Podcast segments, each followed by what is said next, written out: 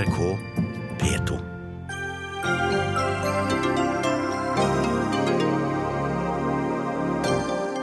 Kristelig Folkeparti må ta mye av skylda for at unge nordmenn slutter seg til terrorgrupper.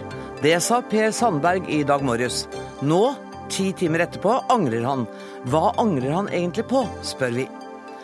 Det er uverdig å koble pedofili til Munchs kunst, det mener Munch-Arving. Etiske begrensninger kan kvele kunst som ytringsform, svarer museet. Jeg vil ikke at Instagram skal fylles med gamle bilder av det skjeve gliset mitt når jeg dør, sier 20-åring som ikke vil være på nettet etter at hun er død.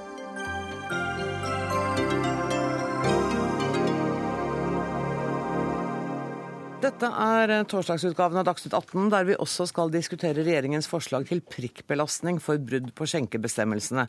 Men aller først. Per Sandberg har satt sinnene i kok i samarbeidspartiene med sine uttalelser til NRK i morges. I P2s Nyhetsmorgen ga Fremskrittspartiets nestleder Kristelig Folkeparti mye av skylda for at unge nordmenn slutter seg til terrorgrupper og massakrerer barn og kvinner. Og det er det samme uansvarlige retorikken som kommer fra Kristelig Folkeparti, som har meget stort ansvar for at tusenvis av unge mennesker født og oppvokst i Norge lever i frykt for tvangsekteskap, lever i frykt for kjønnslemlestelse. Det Kristelig Folkeparti har et enormt ansvar for at vi rekrutterer titalls mennesker, unge mennesker født og oppvokst i Norge, som reiser ut og slutter seg til terrororganisasjoner, driver med krigshandlinger, massakrerer barn og kvinner der ute. Dette er det Kristelig Folkeparti som har ønsket, og resultatet ser vi i dag. Per Sandberg, dette var et klipp fra Nyhetsmorgen på P2 i dag morges. Siden har du beklaget deler av det. Hva er det du beklager? Ja, jeg er klar og tydelig på at uh, disse uttalelsene uh, med rette kan av Kristelig Folkeparti og andre tolkes som at jeg nærmest direkte uh, anklager KrF for å rekruttere og har et direkte ansvar for IS sine bestialske handlinger i Irak og, og Syria. Det var selvfølgelig aldri vært min intensjon. Det er det jeg beklager. Du sier at de kan tolkes dit hen. Man trenger vel ikke mye tolkning? Du er ganske klar i talen din her?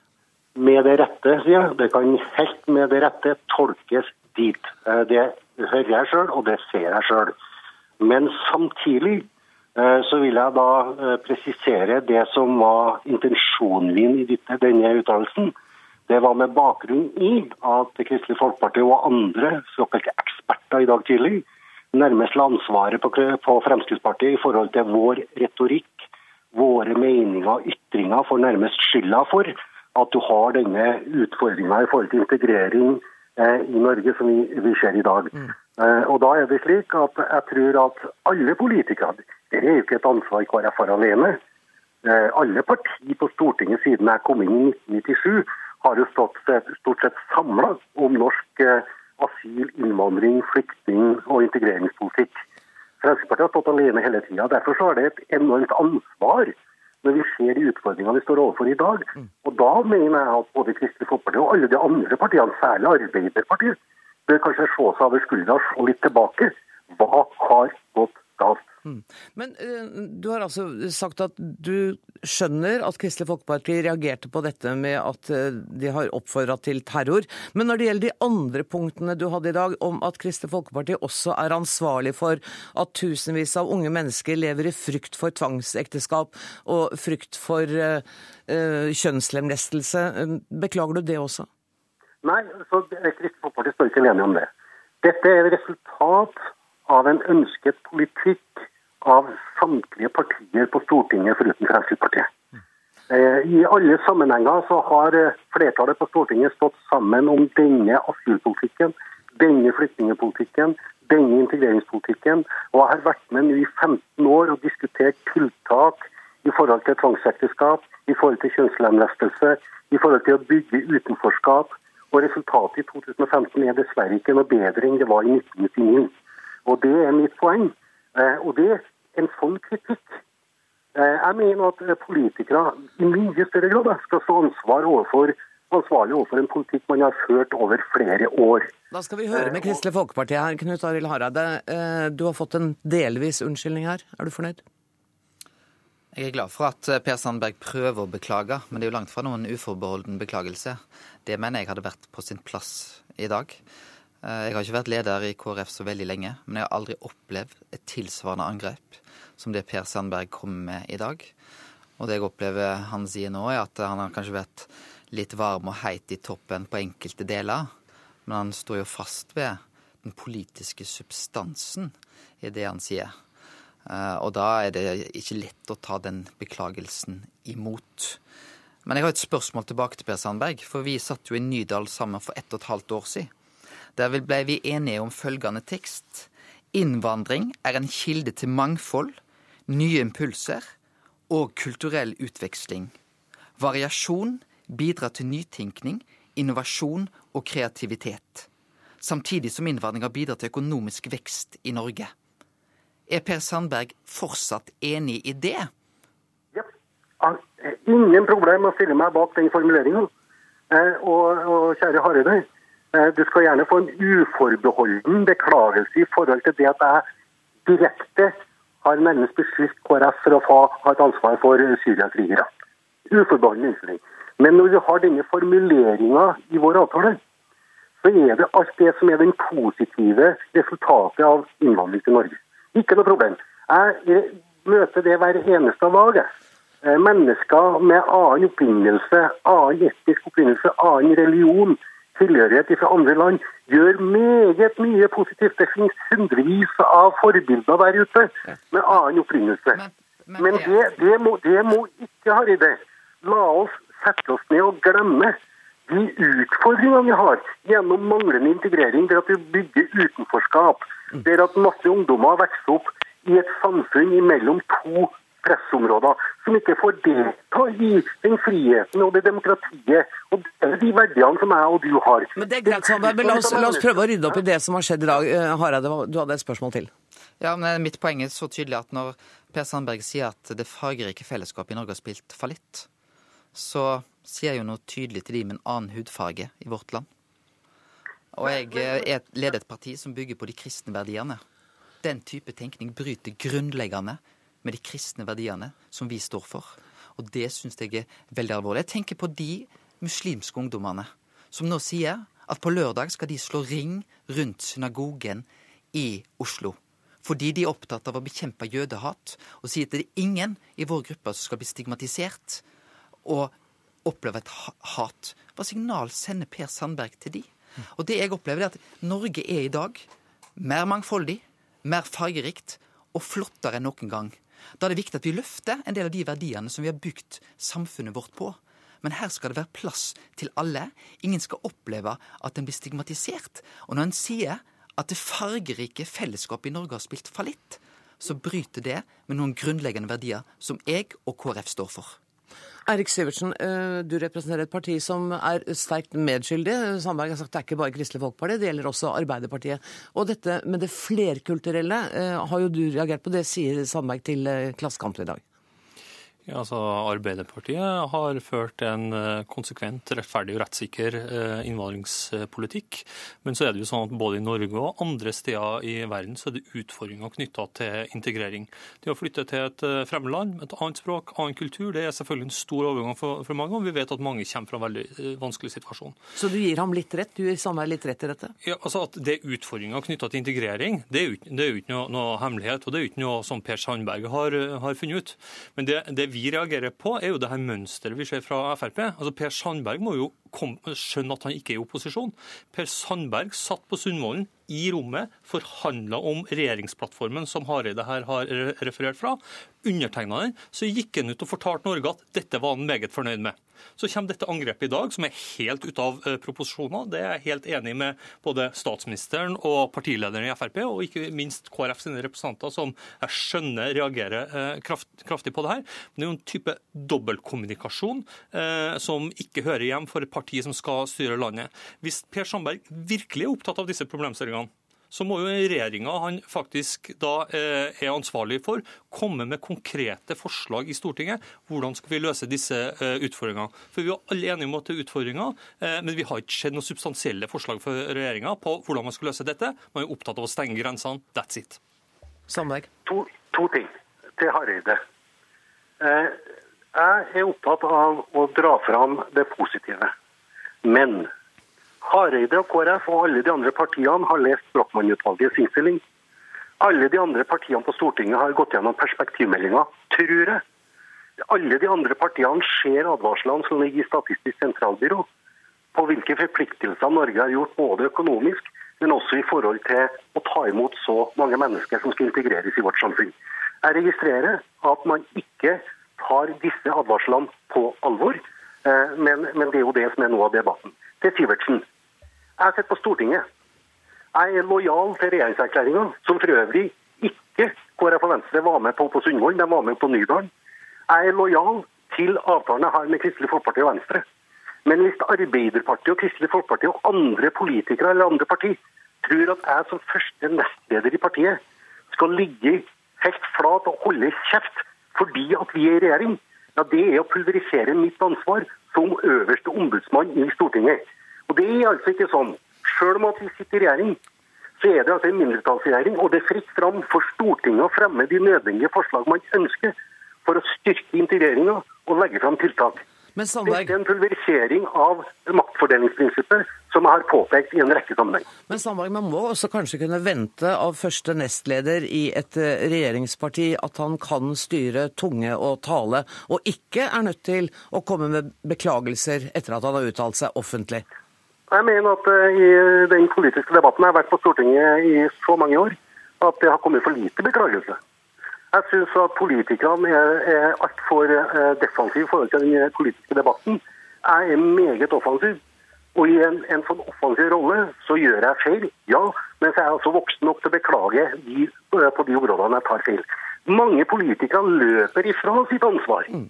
Selv om at man politisk har gjort feil, gjort feil vedtak og ser resultatene av sin politikk, så velger man i stedet å angripe Fremskrittspartiet for retorikk og meninger. Og til Hareide. Har opplevd verre angrep enn det der. Harald, ja, nå må Harald få svare. Ja, Det kan godt være du har opplevd verre angrep, Per Sandberg. Jeg bare sier hvordan jeg opplever det for KrF og for ansvar for terroraksjoner, for massakre som går utover barn og kvinner. Og det du òg sier, at KrF har ønska dette som et resultat, er jo et overgrep som iallfall jeg ikke kan minnes noe tilsvarende i norsk politikk så lenge jeg har vært eh, partileder. Jeg skal gi deg rett på én ting. Eh, Den avtalen ble skrevet i Nydalen og ikke på Sundvolden.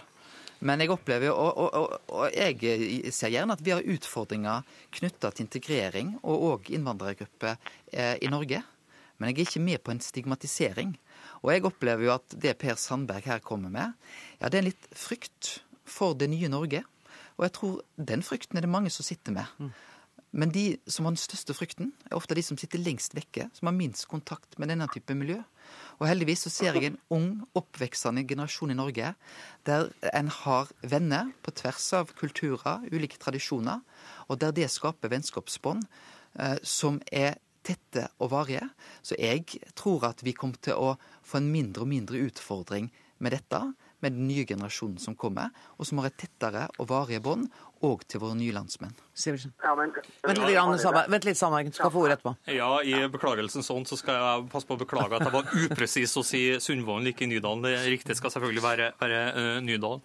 Men uh, det, er jo et, det er jo et visst uh, mønster her. Nå har vi denne saken, og det er min påstand at, uh, at Per Sandberg her forsøker å drive en dobbeltkommunikasjon for å antyde en del ting. Vi har sett det i Krekar-saken. Der har det vært uh, tilsvarende oppvisning. Vi hadde Siv Jensen som dro, uh, forsøkte å ri to hester i forhold til menneskerettigheter. Og i høst så karakterisert stortingsrepresentanter fra Frp KrF som et tulleparti, som også, også ble beklaga. Og det å tro at eh, vi skal få mindre innvandring i en tid der vi setter historisk høye tall for antall flyktninger i, i verden, det å stikke hodet i sanden, Frp må komme seg til opposisjonen og begynne å komme med konkrete, konstruktive forslag til hvordan vi skal møte du det. du skal få siste ordet her. Ja, For det første så, så er i hvert fall tilstrømninga til Norge gått ned, og vi sender ut flere kriminelle eh, utlendinger enn noensinne. Eh, Og Det fantes selvfølgelig ikke dobbeltkommunikasjon under de rød-grønne gjennom 80 år. Eh, For de satt jo stille nærmest og ikke gjorde noen verdens ting. Til Hareide. Selvfølgelig kommer din påstand igjen om stigmatisering. Og så går du en fatal feil. Hvis du tror at ikke jeg er i nærheten av disse miljøene, som har en svigersønn og har et barnebarn og har en svigerinne fra miljøene her, som jeg møter hver eneste dag. Jeg har utallige venner som jeg møter dag ut og dag inn. Og du tar helt feil i din stigmatisering av meg gjennom å plassere utsida av denne debatten. Helt feil.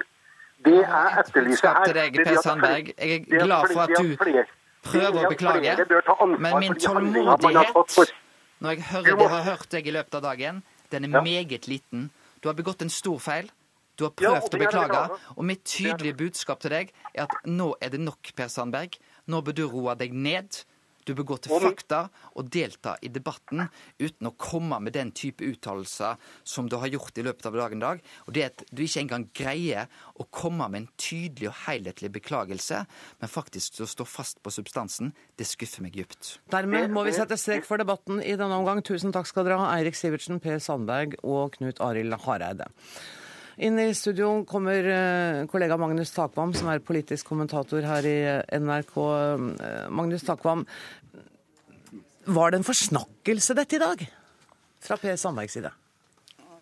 Det er mulig at akkurat formuleringene om KrFs direkte ansvar var en forsnakkelse, men som vi hørte i denne veldig opphetede debatten, så står jo Per Sandberg fast på hovedanalysen sin om en mislykket innvandringspolitikk gjennom 10-15-20 år som en hovedforklaring på bl.a. forekomsten av eh, terror og eh, unge norske menn som drar til Syria osv. Og, og den siste skal vi si, eh, replikkvekslingen med Knut Arild Hareide viser jo at dette kanskje er den ja, mest tilspissede konfliktsaken som har vært mellom disse fire partiene.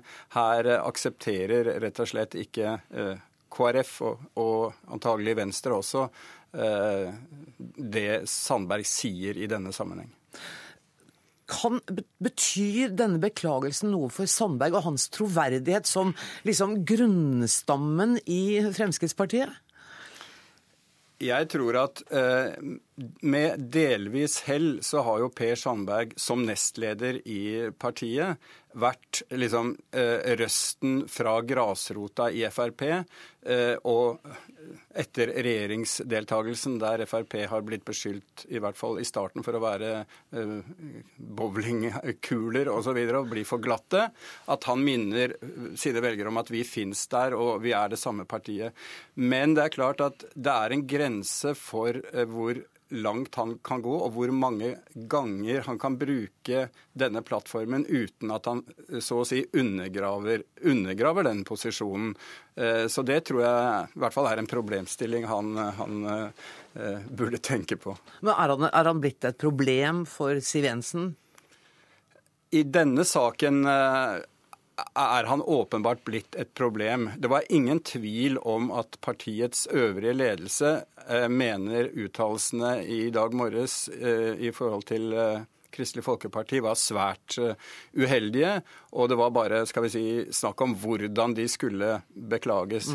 Men eh, som vi hørte i intervjuet, så var det en, en beklagelse med, med som ikke var det, det man kaller å legge seg fullstendig flat. Han holder fast på sin, sin hovedanalyse. Du, bare Et spørsmål til slutt. Eh, Vi så at det var en eh, nokså sint eh, Hareide som var her i studio. Betyr det at dette kan få konsekvenser for eh, samarbeidet? Ja, altså Det får jo den konsekvensen at eh, det, bekrefter for det første det generelle bildet av eh, krangel mellom de fire samarbeidspartiene og kaos som gjør at man ikke kommer ut med sin øvrige politikk.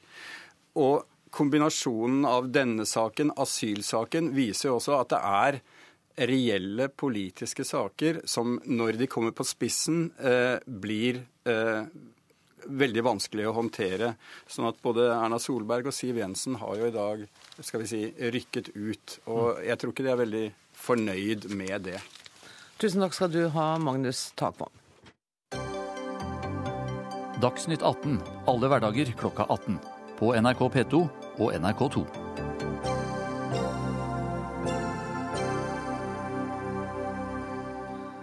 Det er rett og slett uverdig å fremstille Munch med referanser til pedofili. Det sier kunstnerens etterkommer Elisabeth Munch Ellingsen til Aftenposten i dag.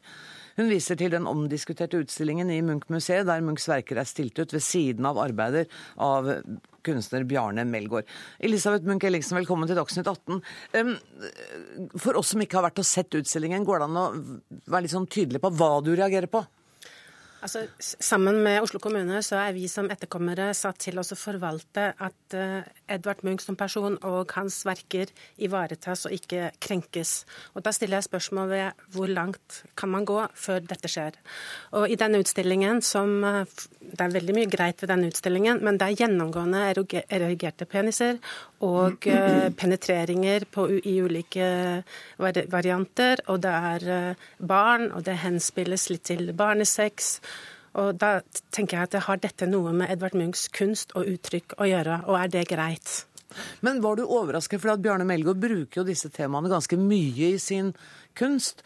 Eh, var du overrasket over at Melgaard brukte det også i denne sammenheng? Nei, men en, jeg, For meg så er hele utstillingen en sammenblanding av hva, hva som er Bjarne Melgaard, og hva som er Munch, og hva som er kuratering, og hva som er Snøhetta. Det, det blir liksom en sammensveiset greie som det er veldig vanskelig å peke på hva er hva, spesielt hvis man ikke kjenner veldig godt til de ulike ja, kunstnerne. da. Men, men Du nevnte Snøhetta. Hva har de med dette å gjøre? De har forestått den grafiske grafiske designen. Okay.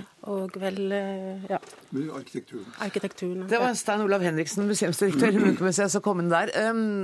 Du har tidligere også vært ute og forsvart denne utstillingen. Men kan jeg først spørre deg, går det an å forstå at etterkommere av Edvard Munch reagerer som de gjør? Jeg vil si at uh, det er jo for det første ingenting ved denne utstillingen som har med pedofili å gjøre, verken på den ene eller andre måten. Så her er det jo både en Eh, en skal vi si, avsender og en mottaker. Eh, men eh, hvordan vi nå utfordrer hvordan Munch leses i dag, mm -hmm. det overrasker meg ikke at det kan virke provoserende på mange. Vi er jo i den oppfatning at Munch skal diskuteres kritisk hele veien. og Derfor har vi denne serien pluss Munch med seks forskjellige kunstnere som settes opp mot Munch, nettopp for å gjøre akkurat det. Uh, og det er klart at uh, Munch i den norske konteksten kan virke kanskje alminneliggjort, uh, trivialisert, miste noe av sin kunstneriske kraft. nettopp ja, Det sa du på Aktuelt i går, at, er, at, vi trivialiserer ham. Ja, jeg ser jo det at hans kunst har jo en helt annen oppslutning internasjonalt, hvor den fortsatt er uhyre relevant.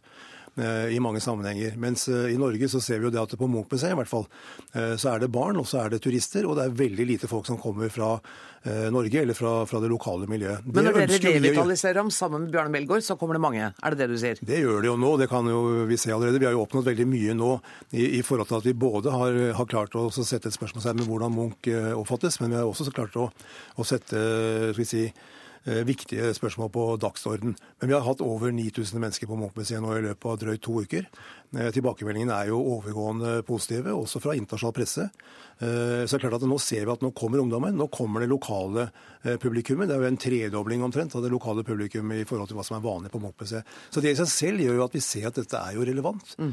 når man gjør det på den måten. Og det er nødvendig å kanskje blåse litt støv av ting, blåse litt støv av tilvendte forestillinger. Eh, og så se disse tingene litt på nytt. Og jeg syns det er veldig flott det som, som eh, hun, eh, nestlederen i Kirkerådet sier i Vårt Land i dag, nemlig det at hun ser nå pubertet i en helt annen kontekst enn det hun har gjort tidligere, nettopp fordi at vi har plassert det på denne måten. Elisabeth Munch Ellingsen, kan du ikke se at Munch blir mer aktuell eh, og angår oss mer ved, ved, denne utstillingen? Jeg er ikke så sikker på at majoriteten går ut av den utstillingen og føler at Munch er satt inn i en samtid. Men det, det, for meg så er det en Melgaard-utstilling. Mm. Og, og, det er greit, det, men da må man kalle det for det det er. Uh, jeg syns det er veldig bra at Munch løftes inn i vår tid og har en aktualitet. Men jeg stiller jo litt spørsmålstegn ved måten det er gjort på, og den spesielt seksualiseringen da i, i kunsten. Hvor, og, og Melgaard som relativt hard og brutal og direkte i dette møtet med Munchs følsomme uttrykk, skal disse to sammenlignes? Og Melgaard sier selv han ikke assosierer seg med Munch, så da lurer jeg på hvem er det som assosierer de to der, da? Jeg vil jo si at eh, altså For min del, da, eh, så er jo faktisk Melgaard en, en, veldig varm, eh, menneskelig kunstner. Det er jo nettopp det som gjør hans kunstnerskap så, så stort, at han har denne menneskelige varmen. Uh, og det er jo ikke heller slik at uh, Edvard Munchs kunst i hans tid, for så vidt kanskje ikke i dag heller mange steder, oppfattes som, som enkelt og uproblematisk. Det har jo også skapt sterke reaksjoner. Og Munch befatter seg med død og sykdom og sjalusi og en hel og erotikk. rekke, og erotikk, ikke minst. Eller sex, hvis du vil. Eh, slik at uh, Her er vi jo inne i et område som handler om sånn helt generelle mellommenneskelige forhold, eller forholdet mellom menneske og samfunn for den saks skyld, uh, som det er viktig å understreke, påpeke, løfte fram. og Der er Munch like relevant i dag som for så vidt Melgaard er relevant. De har to forskjellige språk, de har mye til felles. Men det som er interessant med denne utstillingen, det er jo det grepet Lars Toft Eriksen som kurator også har tatt, i det å bruke et veldig moderne billedspråk, hvor det er Eh, satt sammen en, en, lang rekke bilder på uvanlige måter. Og det visuelle inntrykket er veldig mangesidig, mm. eh, veldig variert, eh, veldig sterkt. og veldig mye energi. Og det er jo nettopp det som er ungdommens bildespråk i dag.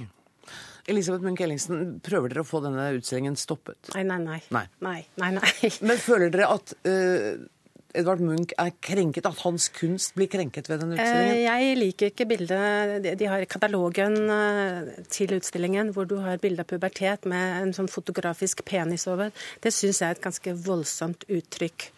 Og jeg lurer på, hvis motivet er eh, at man skal løfte han opp og, og møte ungdommens språk, altså blir det en kommersialisering som jeg lurer på, er det Munch verdig? Mm. Jeg tror det Verdighetsbegrepet er jo selvfølgelig veldig vanskelig å forholde seg til. Men det som jeg tror er mer viktig å, å understreke, det er jo det at, at, folk må på en måte analysere sine egne reaksjoner. Altså Folk må jo opp, forstå, prøve å forstå seg selv da, i mm. møte med denne kunsten. Hva er det som egentlig gjør at man blir provosert, eventuelt hvis man blir det, eller, eller, man får andre følelser som er ubehagelige eller kontroversielle. Så det museumsdirektøren eh, sier, det er gå og se utstillingen og gjøre det opp en mening sjøl? Ikke sant? Det er nettopp det museumsdirektøren sier. Tusen takk for at dere kom til Dagsnytt 18, Elisabeth Munch Ellingsen og Stein Holav Henriksen.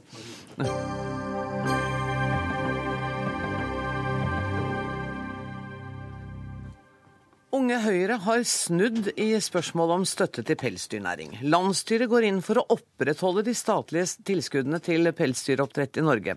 Ungdomspartiet ønsker det de kaller strengere regler som en forutsetning for statlig støtte. Vedtaket er både ufaglig, urealistisk og uforståelig, sier Grønn Ungdom, Lagen Øst, talsperson for Grønn Ungdom.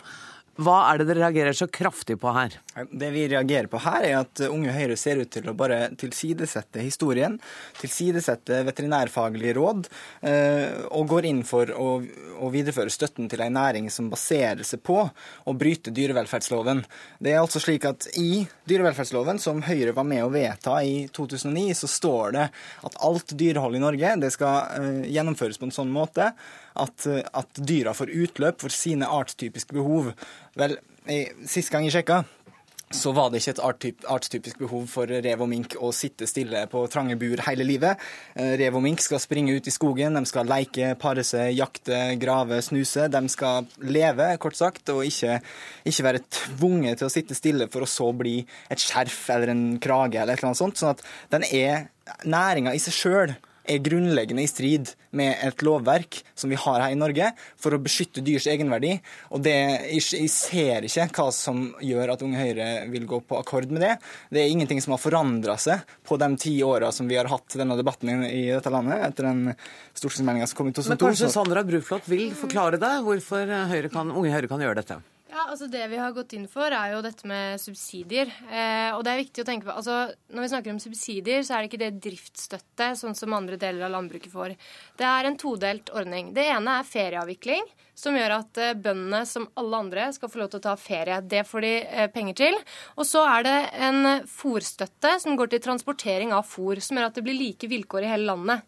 Men nå eh, snakker du om et, du snakker om et litt sånn mer teknisk hvilke støtteordninger dere vil gå inn for. Mm. Mens kritikken går jo på at dere ikke i det hele tatt er opptatt av loven av 2009 som sier at eh, artsegenskaper skal ivaretas. Og hvordan kan dere da forsvare at mink skal sitte i bur? Ja, Nå skal det sies da at landsstyret var veldig delt, bare sånn at vi får med oss de som faktisk stemte mot også. Det var én stemme overvekt som var for dette. Eh, men så er det sånn at jeg er opptatt av at vi skal ha en likeverdig behandling da, av hele landbruket. og det er klart, selvfølgelig eh, pelsdyrnæringen har en lang vei å gå. Men vi sier også de, det i resolusjonen, at de som ikke opprettholder kravene og ikke følger reglene og ikke eh, behandler dyra sine pent, de skal heller ikke få lov til å drive med pelsdyr. Sånn at det er ikke sånn at vi bare tralter og går i den samme vante gangen. Nei, sånn er det ikke. Nå blir det faktisk konsekvenser dersom de ikke følger reglene, og det er jo kanskje det næringa har mangla. Fordi det har blitt oppdaget lovbrudd, og så har det ikke skjedd noe. Eh, men likevel så må man sidestille dette her litt med andre landbruksnæringer også. Det er veldig spesielt å skjære alle over én kam akkurat når det gjelder pelsdyrnæringa. Fordi akkurat i den næringa så er det sånn at Mattilsynet de sjekker over 80% av alle pelsdyrgårder hvert år.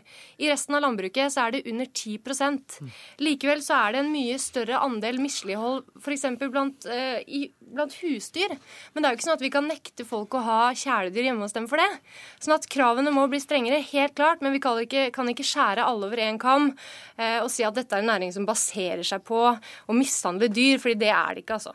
Nøst. Jo, men det er akkurat det det er. fordi det er forskjell på andre typer husdyr og kjæledyr og ville rovdyr. Det er forskjell på hvilke artstypiske behov de har. Det er forskjell på graden av, eh, av domestisering. Altså, eh, og ikke bare det, til og med domestiserte dyr, for det snakker han ofte om, dem liker jo ikke å bli holdt i bur hele livet, dem heller. sant? Se for deg hvis du hadde satt hunden din i bur. Det er et domestisert dyr. Du har ikke, har ikke lyst til å holde hunden din på én kvadratmeter hele livet. Eh, poenget er at det er en forskjell på det, og, og en vesentlig forskjell på, på en måte ha kyr og på å ha masse ville rovdyr eh, i, dyr, altså i bur som egentlig er De er solitære dyr, de, de skal ikke leve tett på hverandre. Eh, og, og Der jeg mener Unge Høyre er historieløse, det er jo på det her med at dere sier dere vil ha et strengere regelverk. Det er jo ikke det dere går inn for. Altså Det er allerede mulig i dag å si til en, en pelsbonde som, som bryter med forskrift sånn at du må legge ned. Det er allerede mulig. Men eh, problemet er forskriftene i seg sjøl. Det, er ikke, det er dem som er i strid med dyrevelferdsloven. Det er ikke den debatten her kan ikke få handle om dem som gjør grove overtramp, dem som mishandler dyra direkte, men det er mishandling i seg sjøl å holde ville rovdyr eh, så tett på hverandre i bur hele livet for å bli luksusprodukter som ingen egentlig trenger. Ja, altså eh, Forskning gjort av Trut i 1999 viser at sølvrev, da, bare for å ta sølvreven, som er 25% av markedsmarkedet, kommer fra Norge. Det er der vi virkelig er store, ikke på mink eller noe av det andre. Eh, viser at sølvrev etter ti generasjoner vil være like rolige som vanlige husdyr. 18% vil til og med pipe når de ikke får kontakt med menneskehånd. Altså Dette er ikke rovdyr. Der tar du faktisk feil. Det er ikke sånn at vi kan slippe ut minken eller reven, og så lever den i skogen. Men er det hensynet til dyrene eller til næringen som gjør at dere har kommet til dette vedtaket med et uh, veldig lite flertall? Nei, altså, jeg tror Bakgrunnen for det er at vi vil sidestille altså Vi må kunne se landbruksnæringen over ett. Og så er det følgelig en egen diskusjon om pelsdyr i seg selv er greit. Mm. Men når det er sånn at eh, sånn som f.eks. Vitenskapskomiteen for mattrygghet, som har undersøkt dette, her, sier at risikoen er lav for at dyr skal lide i et standard produksjonsnivå, da må man nesten ta utgangspunkt i det, altså, og ikke følerier om at pelsdyr er mye verre enn alle andre ting. Jeg tror i hvert fall at debatten kommer til å fortsette i Unge Høyre og mellom dere, men jeg må si takk for at dere kom nå. Til, takk til Sandra Bruflot og til Lage Nøst.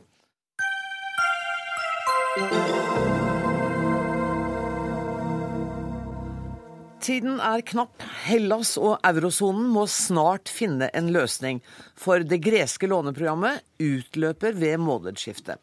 I morgen samles eurolandene i Brussel for å diskutere Hellas sitt forslag til hvordan programmet kan forlenges med seks måneder. Kjersti Haugland, seniorøkonom i DNB Markets, velkommen til Dagsnytt 18. Hvor viktig er det møtet i morgen med tanke på eurosamarbeidet? Ja, Det er veldig viktig. Hvis ikke en klarer å komme til en løsning her, så er i ytterste konsekvens så kan det føre til at Hellas forlater eurosonen. Og hva vil det bety? Det vil bety at eh, de vil gå tilbake igjen til greske drakmer, og eh, dermed få en veldig vanskelig situasjon i sin økonomi. De har jo allerede en veldig krevende situasjon, men da vil det gå over i en full krise for den greske økonomien. Bankene de vil trenge nødhjelp fra da, eh, en nyoppretta gresk sentralbank som trykker sine egne penger.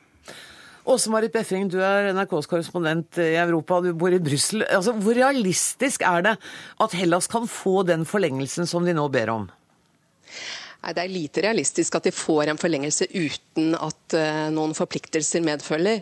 Uh, så det vi så på mandag, Jeg var jo dekket dette møtet på mandag. Det var 17 euroland som stilte et ultimatum til Hellas uh, og sa at det er ikke vits i å komme tilbake før dere har jekket dere, nærmest. Og Senest i dag så har Tyskland gått ut og sagt at det er uaktuelt å forlenge låneavtalen på de vilkårene som grekerne har ønsket. Så hvilke, hvilke premisser vil EU legge da? Altså, det har vært helt tydelig på at hvis man skal forlenge denne avtalen, så må man også forholde seg til forpliktelsene, som er denne innsparingspolitikken man har kjørt på. Og som Syriza har gått til valg på at de skal bryte med. slik at eh, De står jo veldig langt fra hverandre i denne saken her. Eh, og Det man egentlig kan se for seg i morgen, er enten at man får på plass et kompromiss med Hellas, eller så må Hellas gi eh, etter for kravene fra de andre EU-landene i eurogruppen. Og Det tredje alternativet vil i så fall være at Hellas da står på kravene sine, eh, og at man da rykker nærmere nettopp dette med at de, de risikerer å bryte ut av euroen. Mm. Men, men, Hellas har jo allerede begynt å vike litt på de kravene som de hadde før valget, hvor de sa at de ville slette all gjeld og de skulle stå oppreist. Allerede nå har de jo trukket seg på mye av dette. Ja, det er sant at De har ikke uttalt så tydelig at de ønsker å få kuttet gjelden. For det har de jo etter hvert skjønt at det, så langt kommer ikke eh, de andre eurolandene til å komme dem i møte uansett. Men eh, senest på mandag så sa Varoufakis, den fina greske finansministeren, at, at, han mener at de skal klare å møtes på midten når det gjelder disse kravene som de kommer med nå. slik at de har jo ennå ikke gitt opp håpet. Kommer det til å komme en løsning etter møtet i morgen, eller ser vi bare for oss en ny utsettelse av hele problemet? Ja, problemet er at de egentlig ikke har tid igjen. De er nødt til å finne en løsning i morgen. og Grunnen til det er bl.a. at Tyskland og Finland de er nødt til å ta eh, det resultatet de kommer frem til, det er de nødt til å ta til sine nasjonalforsamlinger for å få godkjennelse der. Og nå er det jo bare én uke igjen, og så eh, går dette låneprogrammet ut. Eh, og Det er da man enten da må eh, forlenge det, sånn som disse andre eurolandene har sagt at de kan være villige til å gjøre, dersom man da forholder seg til forpliktelsene. Eller så må, man, eller så må Hellas be om et nytt låneprogram, sant, som også ligger der. Men det har de også sagt at de ikke ønsker. Um, Kjersti Haugland, hvor viktig er denne saken for eurosonen? Det er klart det er jo viktig på mange plan. Eh, politisk så det jo, hadde det jo vært eh, noe helt nytt eh, kapittel som hadde blitt åpna om eh, et land forlot den felleseuropeiske valutaen. Det vil jo være en krevende situasjon. Rent økonomisk så kjenner vi jo ikke effekten av eh, hva som faktisk kom, ville komme til å skje hvis Hellas går ut av eurosonen. For fire-fem år siden så hadde vi den samme situasjonen. Eh, Hellas, eh, Det var veldig mange som trodde at Hellas ville forlate eurosonen. Og på den tida der så var det smitteeffekten til andre store systemviktige land som Italia, Portugal, Spania veldig stor. Siden den tid så har det kommet viktige brannmurer på plass, som eh, de europeiske politikerne, sentralbanken, har sørga for. Så nå er jo håpet og trua hos de fleste at eh, den smitteeffekten til andre land, systemviktige land, vil være begrensa. Mm. Sånn at finansmarkedene ikke ville kollapsa eh, hvis dette her kom til å skje. Men fremdeles så ønsker man å beholde Hellas innen eurosonen. Og hvis det nå er sånn at grekerne går med på at låneforlengelsen skal overvåkes av EU-kommisjonen, av Den europeiske sentralbanken og Det internasjonale pengefondet. Er vi da liksom i mål, hvis de sier ja til det? Det er vi ikke. Nei. Dette er snakk om en seks måneders eh, forlengelse av det eksisterende låneprogrammet. Så skal det forhandles. De skal bruke denne tida til å forhandle fram en ny type avtale. Og de vil fortsatt eh, være store konflikter mellom Hellas og långiverne. De vil fortsatt trenge eh, finansiell assistanse. Og kanskje kan de komme til å få lettere lånevilkår etter hvert som tida går. Men det vil fortsatt være konflikter, helt sikkert. Og det er et langt perspektiv du tegner opp nå. Jeg kjente at det liksom, nå var det mange måneder og kanskje år. Ja dette her kommer ikke til å gå over på 1, 2, 3. Nå er det sånn at den greske økonomien faktisk har begynt å vokse litt igjen. I alle fall før alt dette skjedde med det nye valget og turbulensen i ettertid. Så det er jo sånn at eh, tendensen var noenlunde positiv nå i det siste. Og eh, dette her setter denne forbedringen på spill. Åse-Marit Befring, er du fortsatt med oss? Jeg er med, ja. ja du, jeg lurer på, er, er Tysklands tålmodighet i ferd med å gå slutt nå?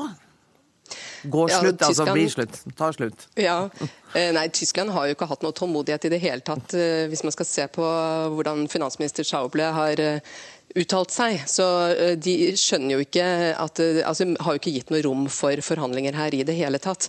Slik at Shabla har jo vært helt imot å ta og åpne opp for en mulighet til å forhandle. Og, og står jo langt fra de kravene som den greske Varoufakis har kommet med her. Slik at, at Tyskland står sterkt på sitt. Det er helt klart. Tusen takk for at dere begge to var med i Dagsnytt 18, Åse Marit Befring og Kjersti Haugland. Hør Dagsnytt 18 når du vil. Radio NRK.no.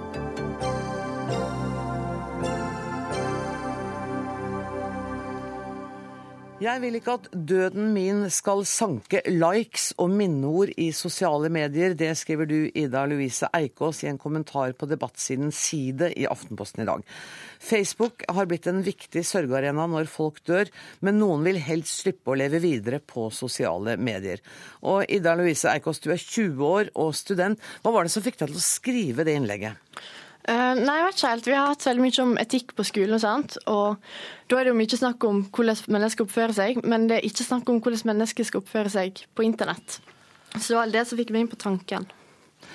Og da bestemte du deg for at du vil ikke ha en egen Facebook-side etter at du en gang er død? Nei, det har ikke jeg lyst til. Fordi? Uh, helt ærlig så tror jeg har brukt nok tid på internett uh, mens jeg er i live. Og så er det noe med at eh, jeg syns det er litt skummelt å sette døden i et så bra lys, med tanke på eh, mange med psykisk problem som er frista til å ja, ta livet sitt. da. Men hvordan reagerer du når du ser at mange mennesker bruker Facebook til å fortelle om dødsfall i nær familie? Hva, hvordan reagerer du på det? Da ser jeg det veldig fra deres side av saken, og jeg ser at det er en veldig fin måte å hedre folk på og samtidig opplyse folk om hva som har skjedd. Mm. Og, ja. Karoline Alm Legendere, du er i studio um, her, og Ida Louise er eh, med oss fra Bergen. Karoline, um, du har et annet syn på dette. Uh, jeg syns at uh, Altså, jeg respekterer veldig det hun sier, at uh, folk har forskjellige meninger om dette. Jeg syns, da jeg mistet en venn for et år siden, så syns jeg det var en veldig fin greie å kunne eh, skrive noen siste minneord og dele noen bilder. Og at det fortsatt kan ligge der, eh, som folk kan gå gjennom når som helst. For det er tilgjengelig hele tiden. Og at det blir et sted hvor man kan minnes og se på minnene andre har. da. Blir den stadig brukt, den siden? Nei, eh, ikke så ofte nå. Det var mest rett etter dødsfallet hans eh, at, eh, at, folk postet eh, siste minneord og, og minner og tanker. og skulle du ønske at den dagen du dør, at det var en sånn minneside etter deg også? Altså, ikke nødvendigvis. Det er helt greit for meg om, om, det hadde vært det. Uh, men jeg tenker at det er noe familien min hadde hatt siste, siste ordet i, eller siste bestemmelsen på om det skulle vært det eller ikke. For som sagt så er det jo forskjellig fra, fra person til person, og hvordan man, uh, om man ønsker å ha det så offentlig, da, rett og mm. slett. Men du sa uh, til en avis at du følte at du skrev til den vennen, og bare til ham. Ja. Men det er jo litt rart når du legger det ut på Facebook? Ja, uh, ja det er jo uh, Altså, innlegget mitt var på en måte rettet til han, da. Mm. Uh, det ble skrevet til han. og ja, jeg ser jo at det er litt rart å, å tenke at jeg skriver bare til han. Mm. For det er jo på Facebook, og det er jo offentlig så alle kan lese. Men, men det ble på en måte Jeg skrev det til han direkte, da. og du får på en måte litt en Eller et håp da, om at han visste det som han skrev, mm. kanskje. Um, Ida Louise, kunne du i det hele tatt tenke deg å skrive om noen du kjente etter at de var døde, på Facebook? Um, ja, men altså Hvis det, den personen da hadde gjort uttrykk for at dette var noe de ønska, så hadde jeg selvfølgelig gjort det. Mm. Men hvis han, ikke, han, eller hun ikke hadde sagt noe om det, så ville ikke jeg ha gjort det, for da er jeg redd for at jeg bruker han som litt sånn allemannseie, og jeg ser ikke at jeg har rett til det. Nei, for den som er død, har jo da ikke noen mulighet til å påvirke. Og da er det naturlig å spørre Roger Johnsen, som er leder for Norsk senter for informasjonssikring, som bl.a. driver stedet slettmeg.no. Hva slags utfordringer knyttet til sosiale medier oppstår når folk dør? Ja, vi, vi, møter jo mange av dem da som eh, nettopp får litt utfordringer Mm. når sånne ting skjer. Og vi, vi ser vel kanskje to hovedutfordringer.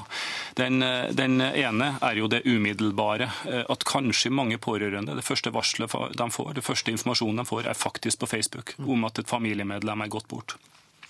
Det andre er det spørsmålet som melder seg noe senere. Det er hvordan skal du rydde opp etter vedkommende på internett? Eh, Det kan gjelde sosiale medier, det er kanskje først og fremst det, men også e-post og skylagring og andre sånne tjenester som kommer.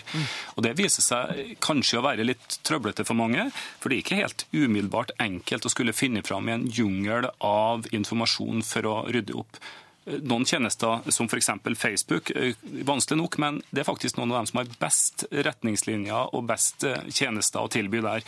Mens en del andre er det nesten umulig å få låst. Det er som å bare kjøre informasjon inn i et, eh, ja, inn i et vakuum, og det blir borte, og ingenting skjer. Mm. Men, men hvis vi snakker om Facebook, eh, så er det altså relativt lett da, å slette en avdøds eh, konto. Jeg vil ikke påstå at det er enkelt, Nei. men det er mulig. og det er en av de tingene Vi har, vi har jo hatt eh, flere hundre forespørsler bare siste år om hjelp til nettopp akkurat det der. Eh, Betyr det at det ligger en masse kontoer der ute, brakke, altså hvor folk er døde? Ja, det er det. Det er mange konti. og En av de, de virkelig ubehagelige tingene er jo også at eh, passord og na- brukernavn til Facebook-konti er til salgs på internett. Ikke bare for den som er død, men andre også. og Innimellom kan det jo hende at man da får meldinger fra disse her. Og, ofte, og Kriminelle miljøer bruker dette her til å spre da reklame og annen type informasjon da, i et form for gråmarked. Kan ikke du forklare litt mer konkret hvordan det skjer? Altså En som er avdød, kontoen eksisterer fortsatt, og hvordan blir den da utnyttet? Den blir da kapra av et, kanskje et kriminelt miljø, da, passordet til denne her. og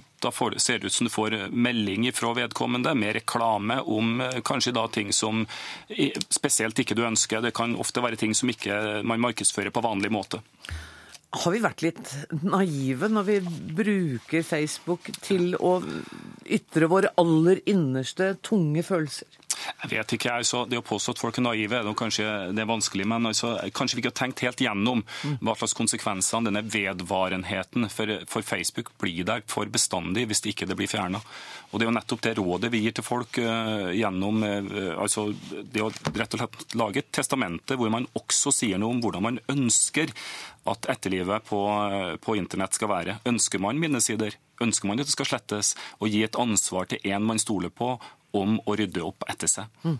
Det kunne kanskje vært en, en god idé. Eh, Ida Louise Eikås, hva om, om det var en sånn ordning at, man, at du fikk vite hva den som hva du hadde villet at du skulle gjøre? Eh, ja, jeg tror det faktisk er en sånn ordning på Facebook, der Mm. du på en måte kan, eh, kan gi du, Folk kan arve kontoen din, og så lar du dem bestemme. Men, men personlig så vil jeg vekk fra Facebook når jeg er vekke fra jorda. Du vil ikke være, du vil være offline Ja, når du er død. Ja. Nå nikker Karoline, og så vil du også være offline når du er død. Nei, altså som sagt, jeg føler at når jeg er borte, så, så, så er det familien min som i så fall har, eh, tar over ansvaret for det. Litt som, eh, litt som om jeg skulle satt dem som, eh, som ja, arvere av min Facebook-side. Um, Og du, du stoler på at de vil forvalte det på en god måte. ja. Og, men det er som Det er rart å sitte og snakke om døden med to så unge mennesker. Det er, vi snakker liksom 60 år fram i tid. Hele virkeligheten kan være helt endret. Ja, det er jo det, da. Mm. Man vet jo ikke hvordan det kommer til å være når den tiden kommer. Eh, Men, eh, men eh, så langt så, ja, så, så syns jeg det er fint med den Facebook-siden. Men jeg har lyst til å spørre Roger Johnsen igjen. fordi er det sånn, altså Nå snakker vi om dødsfall som kan skje 60-70-80 år fram i tid. Men er det sånn at vi allerede nå har fått holdningene til hvordan vi viser sorg på nettet, at de er forandret siden vi fikk Facebook for 10-12 år siden?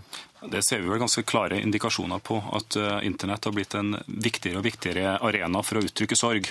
Den har nok vært det bestandig, men altså etter hvert har vi fått disse sosiale mediene, og eh, det er der vi viser, som du sjøl er inne på, kanskje litt våre innerste følelser, og blitt en sorgarena. Og jeg tror nok vi vil se langt mer av dette i tida som kommer. Da sier jeg tusen takk for at dere var med i Dagsnytt 18. Takk til Roger Johnsen, Karoline Alm Legendre og eh, Ida Louise Eikås.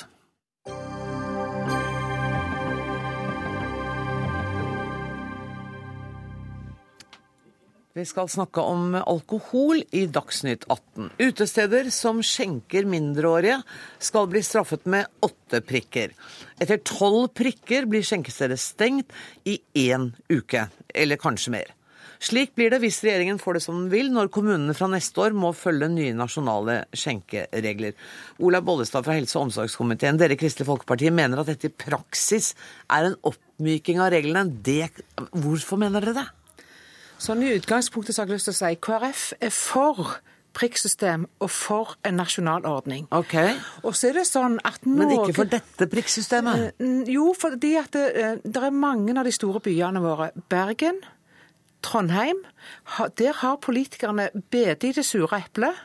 Og så har de tatt og gjort et prikksystem hvor skjenker du mindreårige, så er det et strengere prikksystem enn det som regjeringen foreslår. Ja, det er det jeg sier, Du liker ikke dette prikksystemet? Nei, nei, og da tenker jeg at vi er ikke enige om antall prikker. Nei. fordi jeg tenker at skjenker du en mindreårige, så skjenker du en som er under alkohollovlig alder. Ja. Og da må det straffes der og da. Det kan ikke være sånn at en som har fått tillit til å forvalte et alkohol, et skjenkeløyve, kan i praksis, sånn som forslaget ligger, eh, skjenke en mindreårig, og så skal du samle opp tolv poeng. Så kan du faktisk, sånn som forslaget ligger, samle opp fire til i løpet av tre år, så får du ingen straff hvis du ikke går til tolv prikker. Og Da tenker jeg, da slår vi ikke hardt ned på det som er mest alvorlig, og det tenker jeg er bl.a. å skjenke mindreårige. Vi, vi, må snakke litt mer om dette prikksystemet, for det kan hende at ikke absolutt alle lytterne ja. våre vet hva det går på. Du får altså åtte prikker ved salg av skjenking, salg eller skjenking til mindreårige. Ja.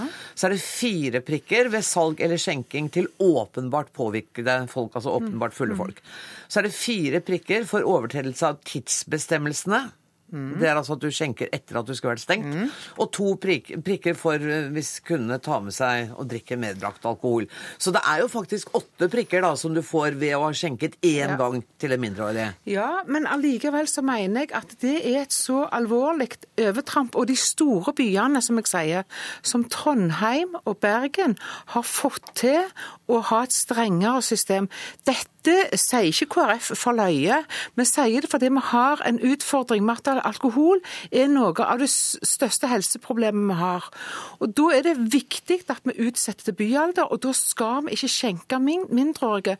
Og Det vet alle som har fått et skjenkeløyve, og da må de ta det ansvaret. Det er det som er poenget for KrF. Og så må vi klare å gradere hva for noen ting er mest alvorlige, og hva er mindre alvorlige. Og for KrF så er det å skjenke mindreårige det som er mest alvorlig. Nummer to er å skjenke noe som allerede har fått nok. Mm. Bollestad, jeg må bare si at jeg ville aldri beskylde deg eller noen i Kristelig Folkeparti for å komme og si ting i Dagsnytt 18 bare på gøy eller på Nei, løye. Det, det ville jeg aldri gjøre. Og det vil ikke Morten Wold fra helse- og omsorgskomiteen. Du sitter for Fremskrittspartiet. Du syns dette er en god løsning?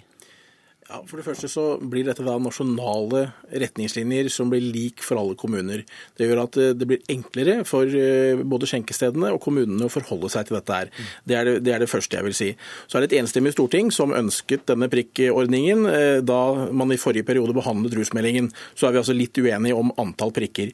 Men for å holde meg til det Bollestad sier, når det gjelder det å skjenke mindreårige, det er det som du slår hardest ned på, og det, det er riktig.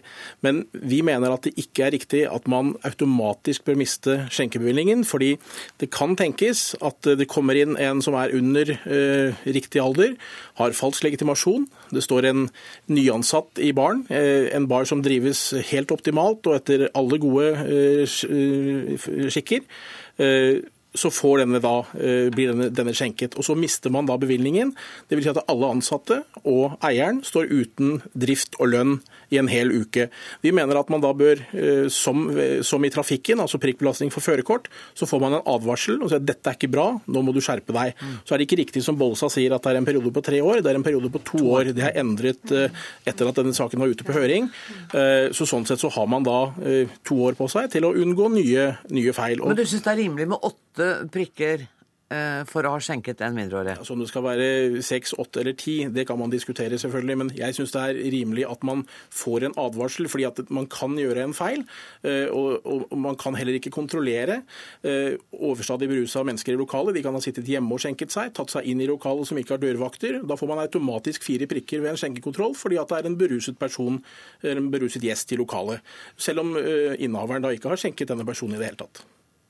Bollestad, hører du at, at det er eh, grenseoppganger her hvor, man, hvor dere kanskje er for nådeløse?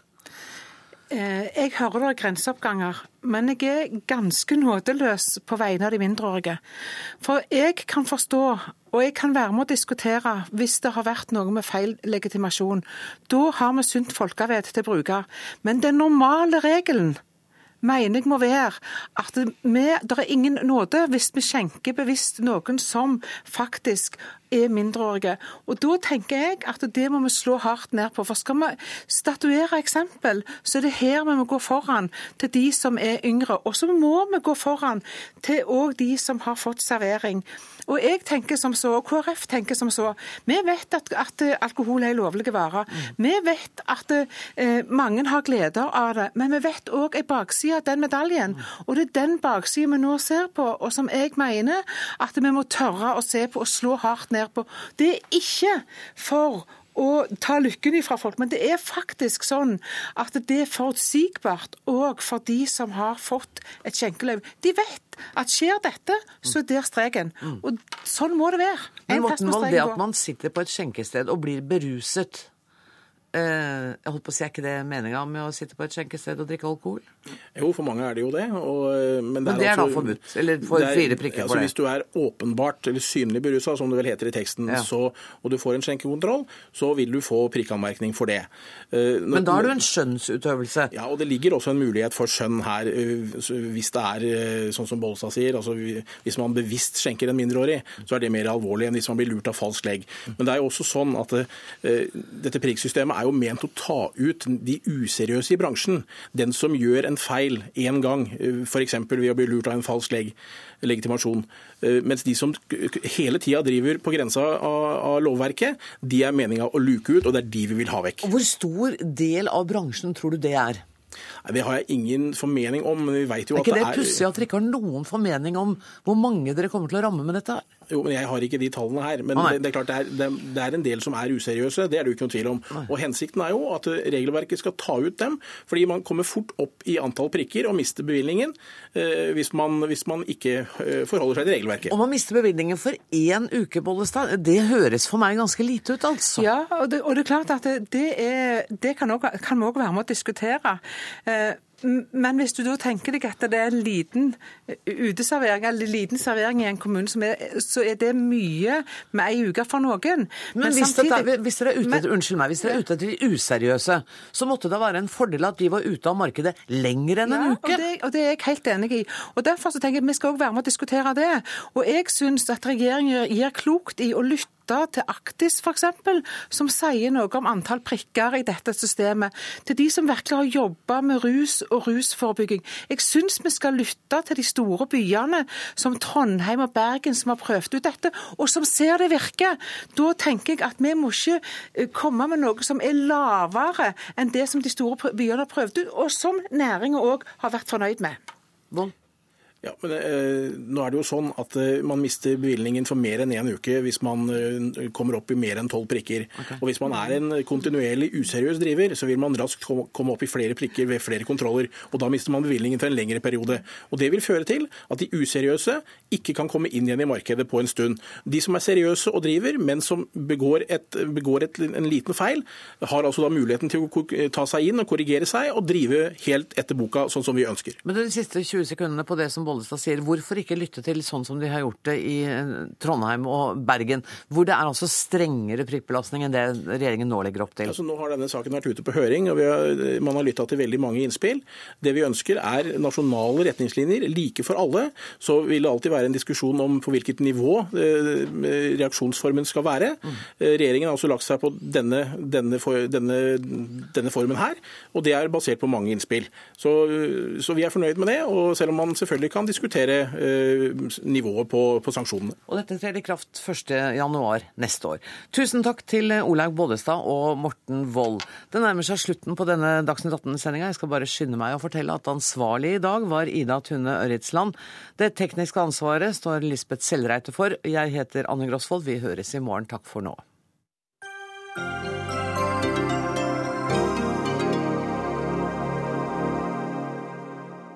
Hør flere podkaster på nrk.no podkast.